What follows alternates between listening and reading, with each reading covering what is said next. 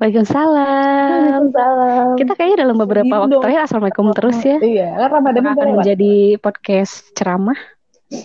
kan berkah Idul Fitri. Biasanya kan kalau berkah Idul Fitri ada yang abis itu jadi alim gitu. Oh, Masya Nyinyir. Allah, Ukti. Ah, nyinyir. Eh tapi mau ngomongin itu, gue nggak mau ngomongin itu. Ngomongin apa dong? Ngomongin orang. Enggak, kan kita lagi mau menuju new normal nih. Makanya hari ini podcast Bacot Pasar gue yang memulai. Karena kita mau mencoba yang new. Karena- ya bagus. Karena berulang-ulang. pertahankan. Karena normalnya Inge nggak mau membuka. Tiba-tiba dia mau. Iya, Iya, makanya kita paksa. ini sesuai dengan tema new normal. Maka kita mencoba sesuatu yang new dibanding yang normal. Apaan sih? Nggak jelas. Udah langsung aja. Eh, masih sama Tika sama Tasya, Hai. Hai. New normal gue Wow, so lembut. Ya. saudara-saudara. Ngebahas new normal nih. Kalian udah Dijelasin, menurut kalian dijelasin dulu dulu deh. dong. Apa itu new normal? Inge, Aku sudah normal. Kenapa kok harus new lagi? Jadi, gimana nggak? Ya, coba dong Tasya, Tika, jelasin dong. Loh, kan gua host. Host, lu justru hostnya Lu dia dulu. apakah ini guru apa host nih ya harus ngetes ngetes orang yang datang. Kan kami narsum. Iya, new Harus. normal. Di setelah melewati pandemi tiga bulan ya kita ya, tiga bulan masa pandemi ini, pemerintah tuh eh, punya kebijakan baru bersiap untuk new normal. Artinya eh, kalau slogannya pemerintah tuh berdamai dengan corona, berdamai dengan COVID-19. Jadi nanti ada banyak protokol-protokol baru atau aturan-aturan baru kalau kita keluar rumah kayak pakai masker itu jadi hal yang wajib banget ke mana-mana, hand sanitizer dan akan diawasi. Jadi kinerja Wow. satpam di tempat publik tidak hanya berdiri di gerbang dan mengecek tas, tapi juga eh, mengecek suhu tubuh, terus memastikan physical distancing gitu-gitu.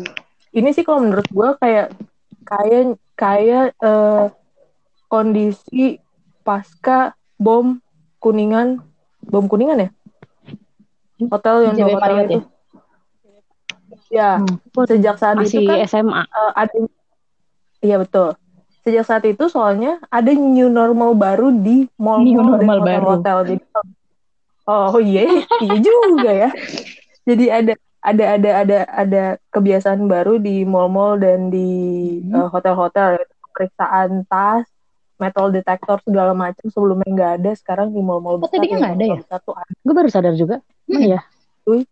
yang apa tuh yang eh, terus mobil dicek bagasinya ada anjing pelacak terus dicek bawah mobil karena eh, bom-bom di Bisa Indonesia tuh aja ya? identik sama identik sama eh, tas besar Hmm. sama bom mobil kan yang pernah Mm-mm. kejadian juga di kayak mereka mulai menerapkan protokol baru. Ini sama nih kayaknya eh, si COVID ini sekarang pemerintah menyiapkan protokol baru yang serupa tuh jadi pemer- apa kita harus physical distancing di tempat umum eh, makan di meja dine in juga berjarak gitu-gitu. Menurut kalian gimana Serius akan segitunya? dengan Iya. Hah?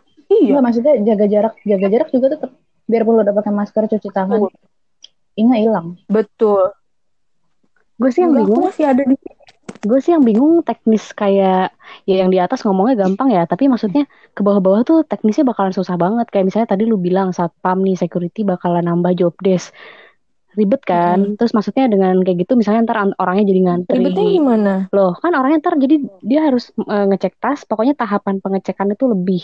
Dan itu kan jadi ribet. Belum lagi dia harus memastikan bahwa jumlah kalau yang gue dengar jumlah pengunjung mall itu harus dikurangin juga kan. Kayak misalnya tadi 500 seribu ya. Hmm. jadi 500 tadinya 10.000 ribu jadi 5.000 gitu. Itu kan ribet dong. Kalau mall-mall besar-besar yang kayak GI gitu-gitu mungkin mereka punya yang kayak thermal Hmm. scanner punya teknologi lah. Yang kayak ITC ITC gitu PGC mau gimana yo ngeceknya? Harus dimiliki juga itu standar kewajiban. Jadi eh, ITC, WTC segala macam itu yang trade center trade center itu ya mau nggak mau mereka juga harus memenuhi itu. Kalau mereka tidak memenuhi protokol itu yang nggak bisa buka nggak bisa nggak bisa beroperasi itu udah ya, kesepakatan protokol-protokol itu sudah jadi hasil kesepakatan pemerintah dengan asosiasi mall-mall ini juga. Nah, iya, cuma kan maksudnya Gitu. teknisnya belum gitu ya. Dan gua ngebayangin itu akan sangat ribet waktu di awal sih mungkin oke nih. Tapi ke depan-depannya itu akan makin bolong makin bolong sih kalau gua rasa.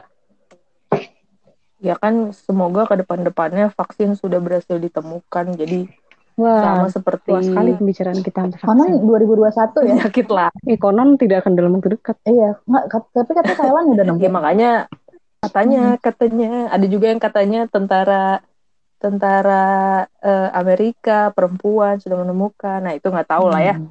Kita nggak usah ngebahas apa itu. Ya. Lebih ke persiapan aja. Kalaupun ini kan yang terdekat yang dibuka nih mall nih. Mall kan katanya di Jakarta, Jabodetabek lah. Tanggal 5 ya, tanggal Jakarta berapa sih? Bekasi.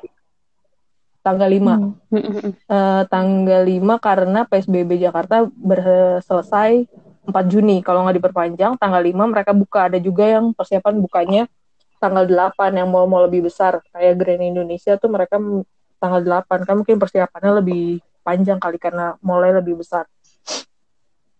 Itu kalian kalau misalnya mall jadi dibuka gitu, kepikiran untuk pergi ke mall nggak? Enggak dong, males.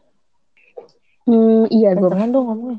Eh, infonya nggak, Gue mall dibuka, bioskop dibuka juga. Nah, eh mall dibuka ini juga masih nunggu kan kebetulan banget nih gila ini selalu kebetulan ya tema-tema inilah ha- tema-tema yang gue tulis.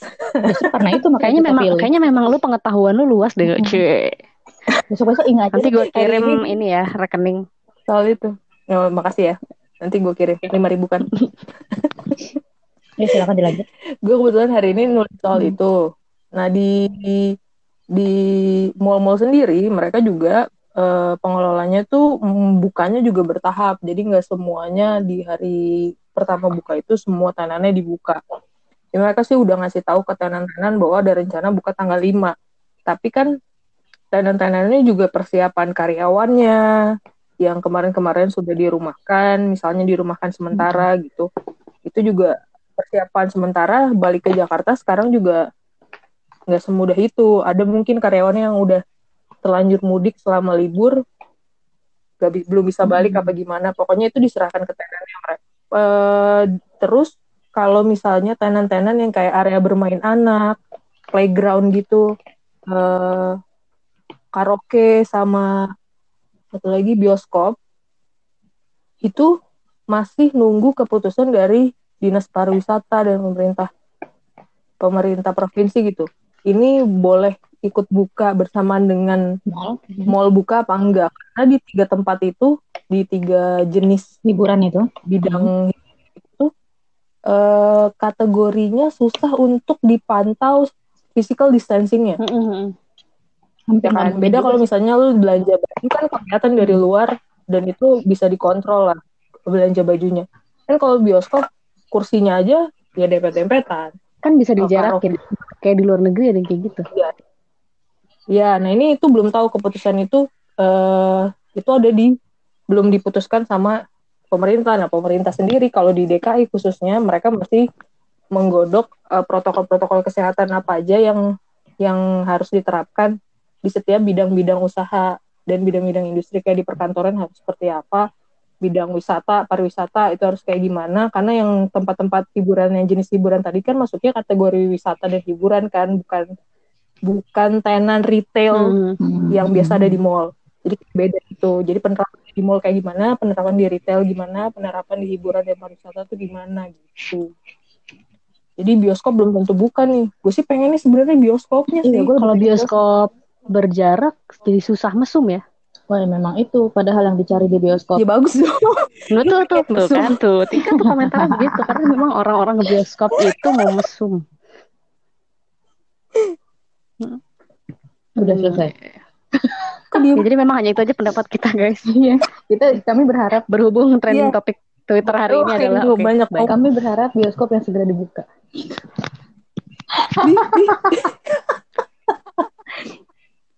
Terus terus. Apa nih pertanyaannya nih ayo? Apa sih kok terus-terus tadi aja tuh belum Mana dijawab. pertanyaannya? Ya kalau mau buka lu mau ke mall apa enggak? Mau. apa yang mau dituju dari mall kenapa mau alasannya dong dijelasin Eh, yang gue kangenin dari mall itu ya emang seneng jalan-jalannya aja kayak keliling-keliling lihat-lihat gitu. Jadi pas sekarang-sekarang ini baru mulai kerasa kalau kangen sama mall gitu. Mungkin tadinya kan kita mikir ya lah ke mall doang gitu ruang tertutup. Tapi itu justru cuci mata di Hmm. situ gitu menurut gue mah. Lumayan gue lumayan sering ke mall sih. Nggak sebenarnya mall bukan dianggap sebagai tempat yang ih so, eh, so gaul banget ya di mall. Enggak sih justru rakyat menengah ke bawah tau yang sering ke mall cuma menurut gue gitu. Cuma ya itu cara cuci mata gue ke mall tuh seneng aja gue kayak ke mall. Kadang kan kan ke mall nggak harus belanja ya. Eh, kayak lihat-lihat aja seneng ke Mm-mm. mall. Sama ya jajan apa kayak gitu. Dan kenapa eh, dengan kenapa Hmm. misalnya kalau mall buka gue mau ke mall Apa?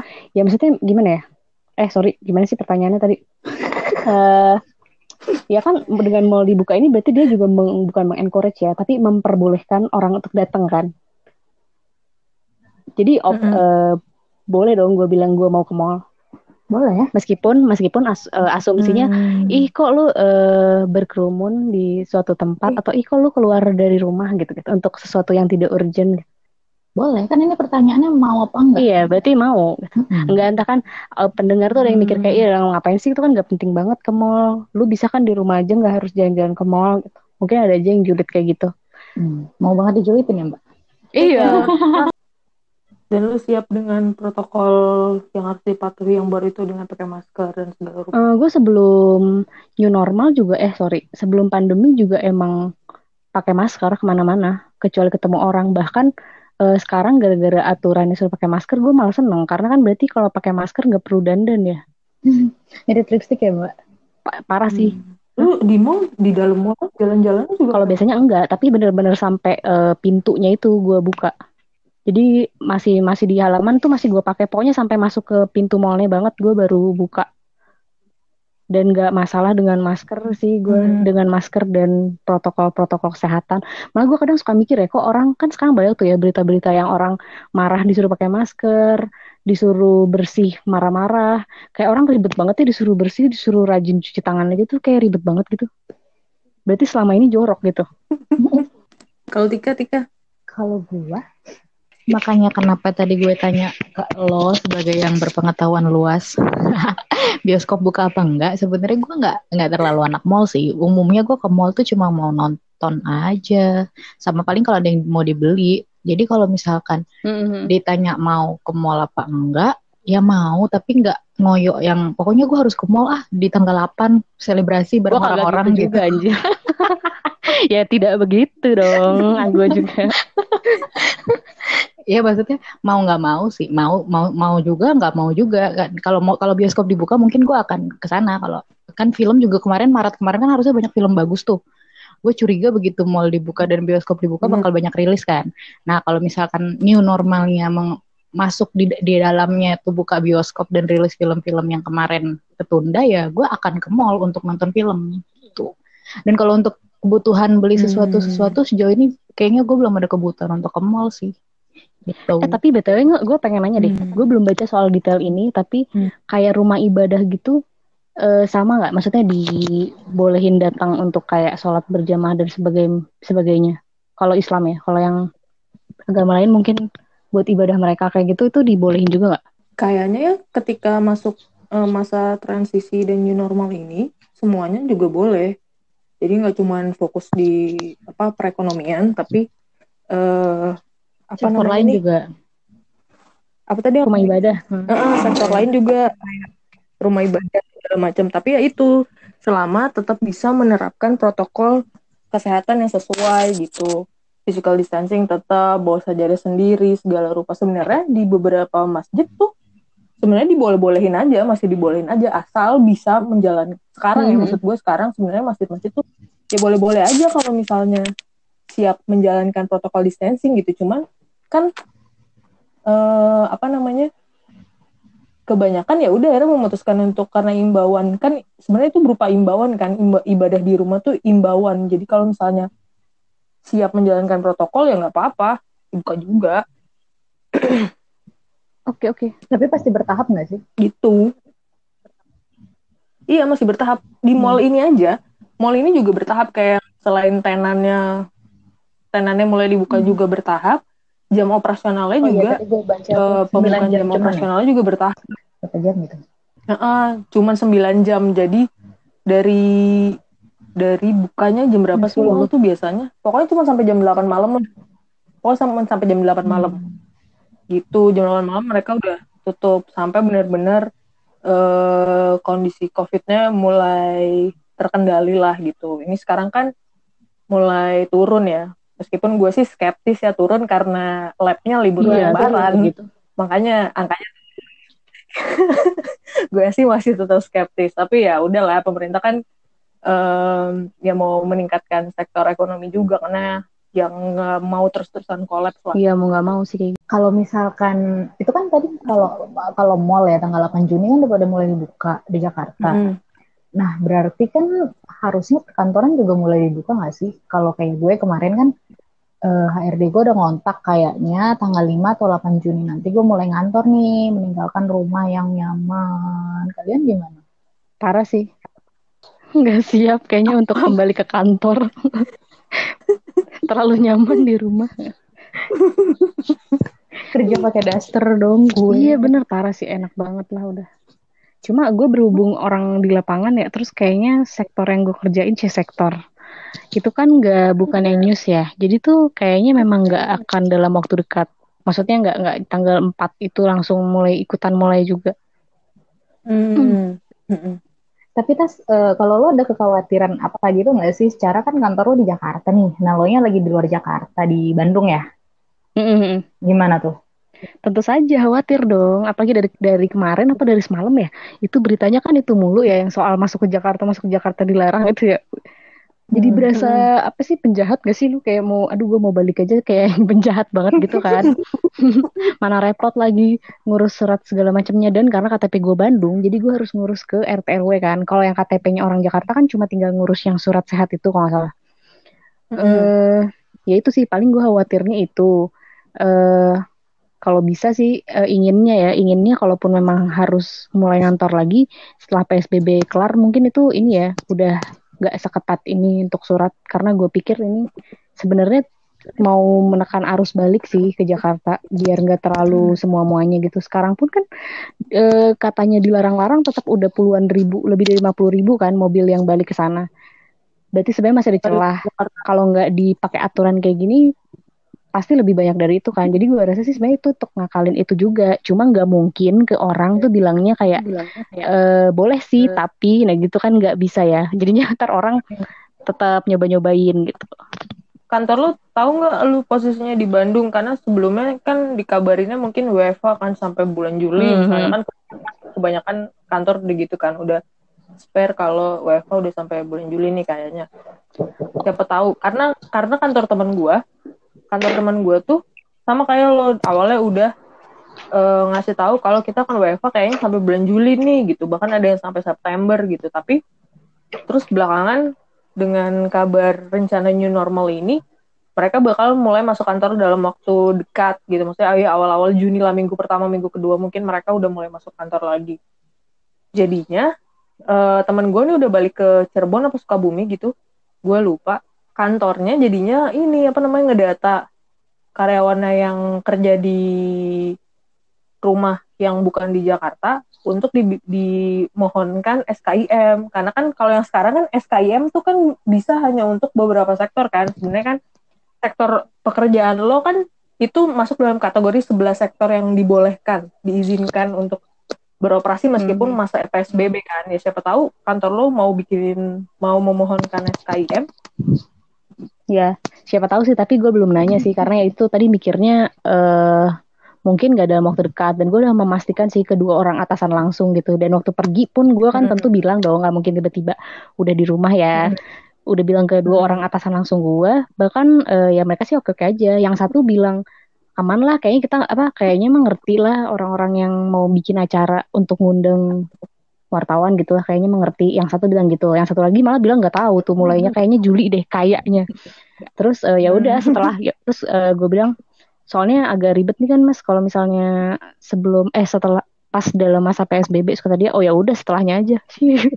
Gitu. Hmm. terus ini pas sebenarnya pas yang awal gue mau pulang itu kan masih imbauan doang ya kayak nggak usah ke mana-mana terus nggak usah mudik kayak gitu bener-bener imbauan uh, dan belum psbb itu pun gue udah khawatir karena uh, ya takutnya kan kita nggak tahu ya di jalan itu gimana gitu. Apa ntar lebih ribet untuk apa sih namanya keluar kota tuh ditanya-tanyain segala macem atau apa. Terus teman gue juga di di kantor lain tuh ada yang kantornya itu udah uh, ada beberapa orang yang mudik dan itu disuruh pulang lagi saat itu pas gue waktu itu belum ke Bandung.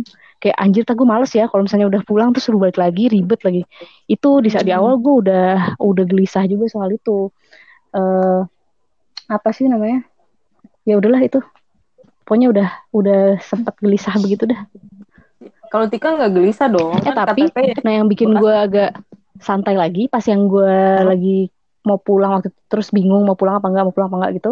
Gue nanya lagi tuh ke atasan langsung gue terus uh, ternyata di at ternyata beberapa atasan gue ada yang memang udah sejak awal bener-bener awal udah pulang ke rumahnya yang jauh-jauhnya tuh jauh banget. Kayak misalnya di Kalimantan gitu kayak. Itu tidak nanggung ya. Terus oh gue oh gitu ya udah. Terus malah si atasan gue ini bilang kayak kan gue udah nanya dari awal lu nggak pulang. Jadi ya udah sebenarnya gue kan atasan lu nggak ke lapangan tas. Lu kan ke lapangan. Iya cuma ya yang penting sepengetahuan mereka kan terus aman. Mereka sih mikirnya kayak oh yaudah asal aman aja di hmm. jalannya hmm. gitu. Dan kalau memang itu terbaik karena gue waktu itu bilang juga sih pertimbangan gue kan kosan tuh ya. Terus katanya kalau emang itu hmm. terbaik nggak apa-apa itu, itu aja pulang aja. Yang penting kan gue bilang kan. Kalau Tika? Tika mah nggak khawatir lah ya. KTP kan Cikarang. Dan itu aman sih Cikarang, Cikarang kan nggak minta surat kan. Soalnya om gue besok sekarang keluar Om gue besok mulai Enggak, kerja kalau... dan gak ditanyain surat dan om gue di Cikarang. Iya, kalau KTP oh, yang di Jabodetabek, Jabodetabek mau datang ya? dan lo bekerja di sebelah sektor, hah, pan? gue punya om di Jabodetabek, mau kenalan.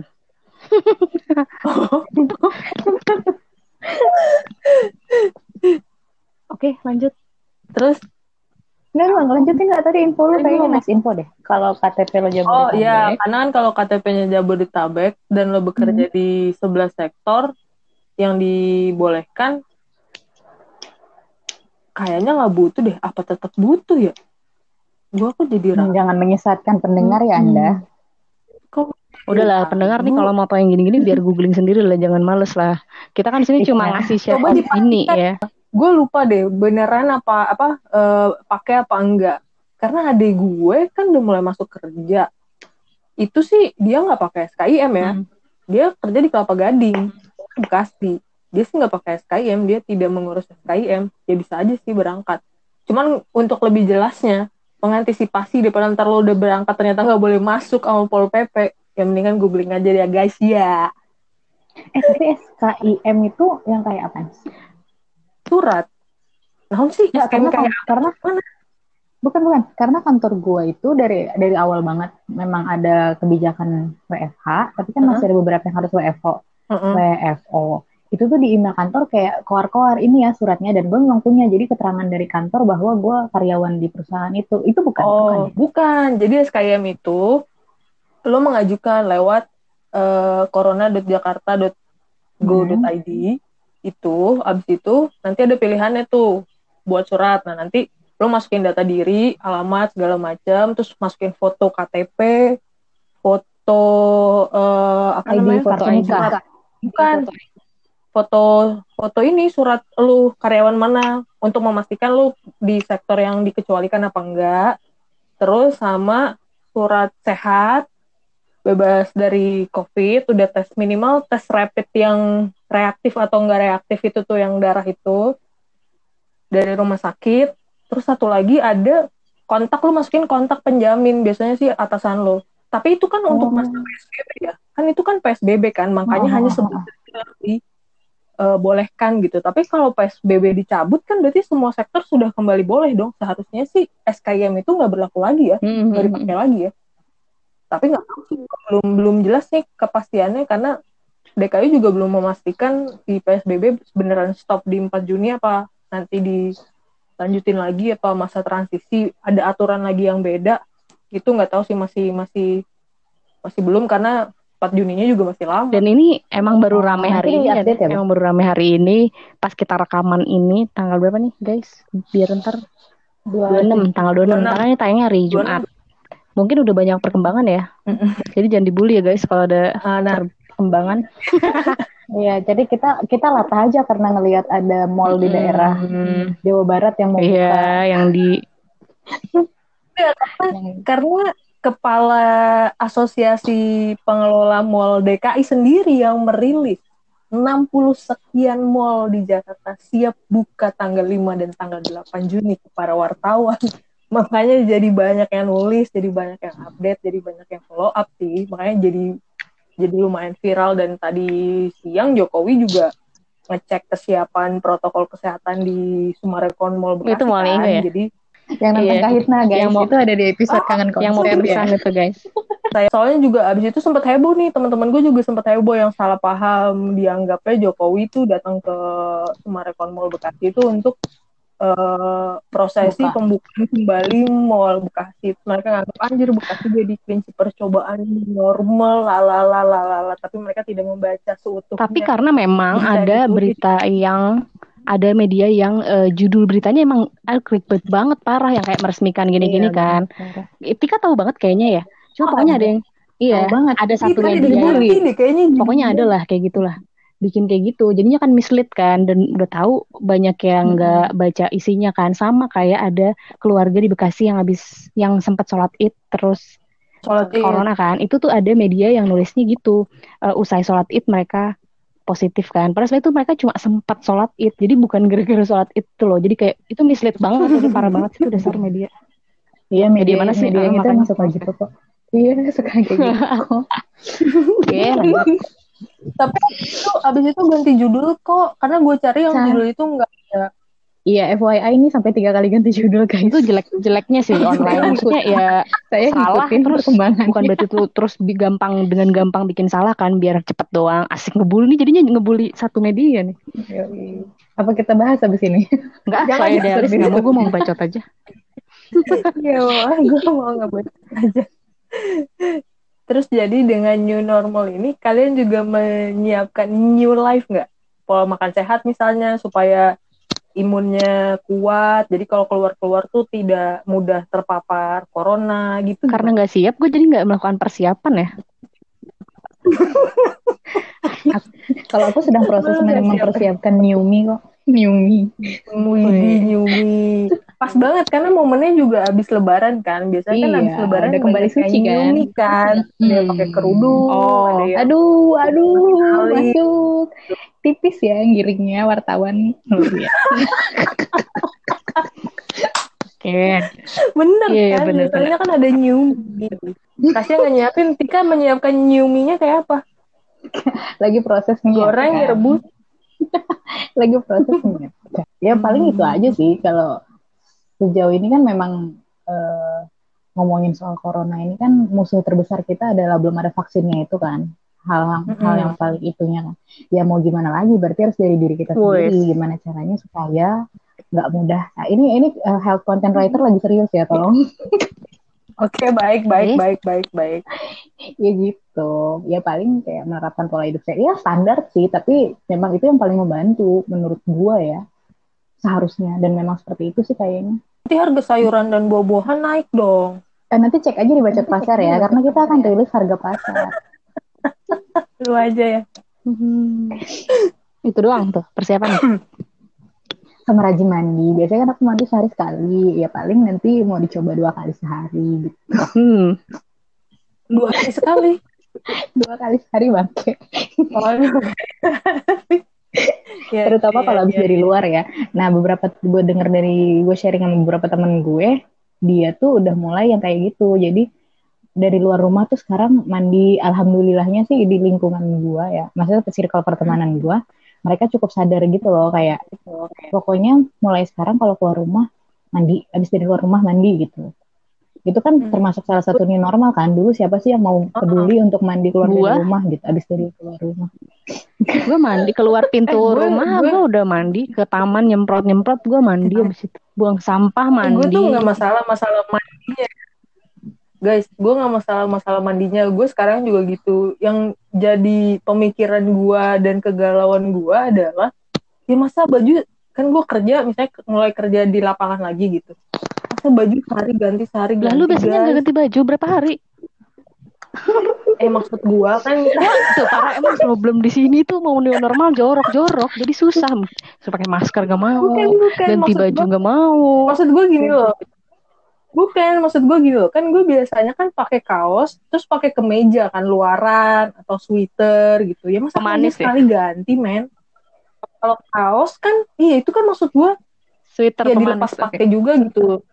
Mm-mm. kalau kaos ya udah pasti ganti dong. Dalaman juga udah pasti ganti. Cuman maksud gua Kalau kerudung setiap hari ganti nggak? kerudung kebetulan. Saya belum nyiumi nih. Gimana tuh? Ya dah lanjut. itu problem gue sih kegalauan baju sih. Kalau misalnya sekali keluar. Jadi gue sekarang tuh kalau bahkan sekarang ya kalau gue masih liputan ke lapangan gitu gue mikir duh kira-kira gue pakai bajunya yang gimana ya? Ini nanti bakal ketemu orang resmi. Berarti gue harus pakai kemeja. Tapi nanti gue harus langsung nyuci. Ini aduh banyak Sebenarnya nggak harus kayak gitu eh, kayak gue di kalau gue sekarang ngakalinnya adalah eh, yang buat luarannya itu kayak jaket atau kemejanya itu habis pakai itu dijemur aja dijemur di matahari literal di matahari gitu dan itu lumayan lu Mati. mati itu kan panas Dan- tapi kayak lama ya lo lama-lamain aja Iya, dan lu pakainya pas mau ketemu orang pentingnya itu aja kalau masalah lo itu. Jadi kalau lagi di jalan kena debu kagak selalu pakai. atau lu kayak beli makan Oke, doang nah oke. itu lu minim Ini sih aja minim pakai kutang pakai ya. BH aja pacut. itu jangan berlapis-lapis. Kenapa? Takut nggak syari. No comment lah gue ya gitu bener dijemur. Soalnya kan kayak jaket apalagi ya jaket-jaket tuh kayak yang misalnya cowok tuh kan jaket tebel-tebel buat naik motor kayak gitu. Males dong nyuci setiap hari yang Mm-mm. nyucinya capek kan. Itu dijemur aja. Atau lu cuma keluar apa sih kayak beli makan gitu doang. Masa kan nyuci? Lu ini aja jemur aja. Gue sih kayak gitu Hmm, ya ya ya. ya. Oke. Ada lagi mau berarti dibicarakan? lu nggak ada masalah ya nggak Nah, kalau lo sendiri gimana nggak? Dari tadi lu nanya-nanya mulu kagak jawab-jawab. Jawab apaan? persiapan lu Pertanyaan apa? persiapan lu Iya, persiapan lo lo menjawab pertanyaan lo sendiri lah. Kasian kan lo nggak ada yang nanya selain diri lo sendiri. ya udah kita cecar sekarang ya Gue sih persiapan. Gue nggak ada nggak ada persiapan apa-apa kayaknya. Ya udah dadah. eh satu dong mau nanya deh tapi eh, yakin gak sih kalian new normal itu masyarakat akan lebih disiplin Enggak. Enggak, karena enggak new normal aja aturan yang dilarang-dilarang aja nggak disiplin, apalagi new Seliplin. normal dengan Disiplin. aturan disiplin. Apalagi new normal dengan aturan-aturan yang tidak lebih jelas kan. oh Ini ya tidak jelas Eh, artinya kan maksudnya sekarang yang tadinya lo hanya boleh berkeliaran di area-area tertentu, terus sekarang lo boleh berkeliaran ke mana-mana, tapi harus tetap dengan masker, harus tetap eh, rajin mencuci tangan, hand sanitizer segala macam, kayak gitu-gitu.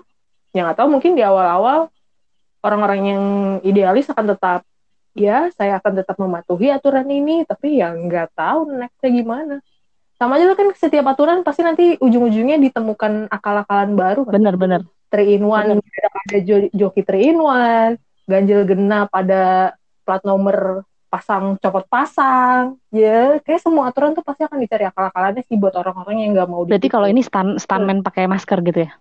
Eh, jangan-jangan iya nato mulutnya kayak masker oke itu lebih gue nggak mau sih. ya gue juga gak mau nggak tapi mau. paling ngakalin itu ada sih ma- udah dibikin masker-masker yang transparan di bagian mulutnya doang yang transparan di bagian transparan tuh maksudnya jadi kelihatan jadi tetap mulutnya kain iya biar kelihatan mulutnya entah mungkin biar kalau senyum kelihatan ya atau mungkin kalau pakai lipstick baru kelihatan juga gitu Oh enggak, enggak, enggak, enggak. Nah masker-masker itu sekarang juga banyak beredar itu untuk eh, supaya teman tuli bisa ngobrol sama teman dengar kan soalnya teman dengar tuh maksudnya yang enggak tuli Mm-mm. kan enggak semuanya bisa bahasa isyarat Nah, Iya. jadi kebanyakan eh, jadinya itu tuh untuk kalau misalnya kita punya keluarga atau punya saudara atau punya teman yang teman tuli eh, komunikasinya bisa kayak Iya. gitu jadi kan dia membaca karena Iya. Ini kan ngebaca mulut nah masker-masker itu sebenarnya dibuat yang transparan itu fungsinya untuk itu. Tapi nggak tahu kalau nanti diakalin supaya tetap bisa senyum dan lipstiknya kelihatan ya saya Iya awalnya ya. memang yang buat teman tuli itu kan. Cuma makin ke sini makin fashion sih. Karena mungkin orang ada yang nggak mau ketutupan mukanya gitu loh. Hmm, kalau nggak kalau dia nggak mau pakai masker jadinya pakai ini apa face shield itu. Oh iya, benar. Kan sekarang dijual tuh topi yang udah ada face shield-nya atau eh, Iya, iya, iya itu banyak juga sih. capuchon Desainer juga pada bikin-bikin. Rambut berantakan ya. merek mahal. Rambut berantakan. Makanya pakai kerudung aja. Oh iya, bener. Kan aku udah pakai. ya. Oh iya benar. Copot dulu apa nih biar jadi nyum nih. Jangan suka lepas copot gitu ah. Hmm, Eh, siap. lepas copot. Kesinggung nggak ya? Hmm, siapa ya? kan Tika kan maksud gua. Iya, maksud gue Hmm. juga. Iya, kita Iya, nggak iya, maksudnya lain kok. Udah yuk, udah yuk nanti malah Ya, yang lain-lain ya. loh ini jadi. Selamat new normal guys. Udah deh guys. Iya, ingat ditunggu Iya, ya update new selamat. normalnya. Kamu adalah harapan bangsa. Iya. Coba Tapi kata New I- normal. kata Ah, Ivan baik Lanin itu artinya itu di, di bahasa Indonesia ini bukan normal baru, tapi kenormalan baru. Iya, penormalan baru. Iya, tapi Tadi gue lihat. IG-nya Badan Bahasa. Iya. Oh gitu. Iya, nice Baik, info kan. Yo. di akhir. Nice, Jadi kelaziman nice, nice. baru atau kenormalan baru gitu. Kelaziman. Bener, boleh diganti. Oke, Oke. kita lihat nanti. Jadi nanti kalau Bagi- misalkan ada orang nggak pakai masker, kezoliman baru. ya? Iya, betul. Wow. Dadah. Dadah, dadah, dadah, dadah.